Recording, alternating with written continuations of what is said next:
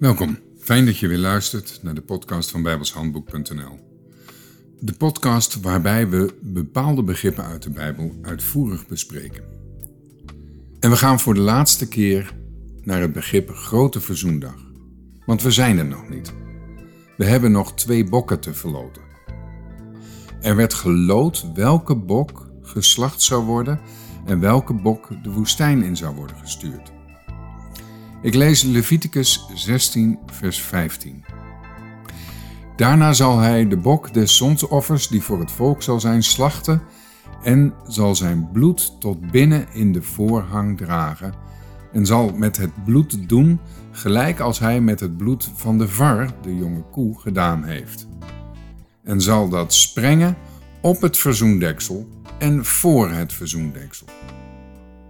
Zoals de hoge priester van het oude verbond met het bloed van de bok naar binnen ging, zo is de hoge priester van het nieuwe verbond met zijn eigen bloed ingegaan. Dat bloed is een beeld van het onvergankelijk leven van de opgewekte Christus. Hebreeën 10, vers 19.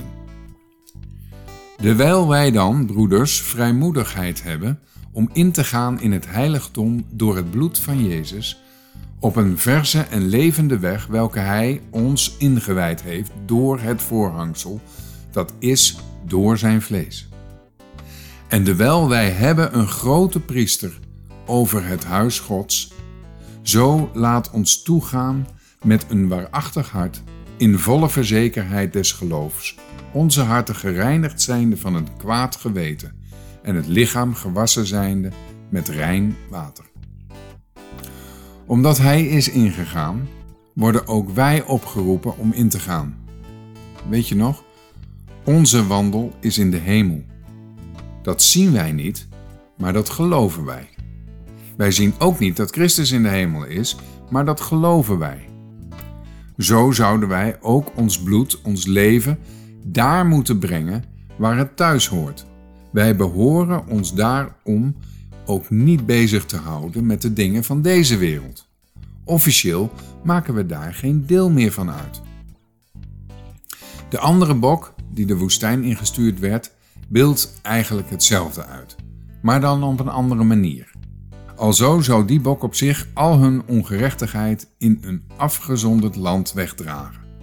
En hij zal die bok in de woestijn uitlaten. De woestijn is een beeld van deze wereld. De woestijn is een beeld van deze wereld. In de woestijn is nauwelijks leven mogelijk. Slechts hier en daar een oase, maar verder is het dor en dood. Er is geen water en dus geen woord van God. Het is er wel, maar slechts hier en daar. De woestijn is buiten het land Canaan, buiten de legerplaats, buiten de maatschappij.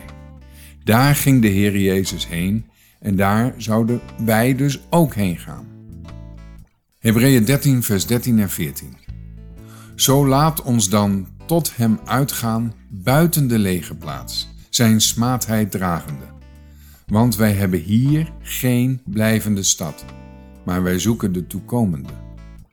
Wij hebben hier in deze wereld niets te zoeken, dus zoeken wij het hogerop.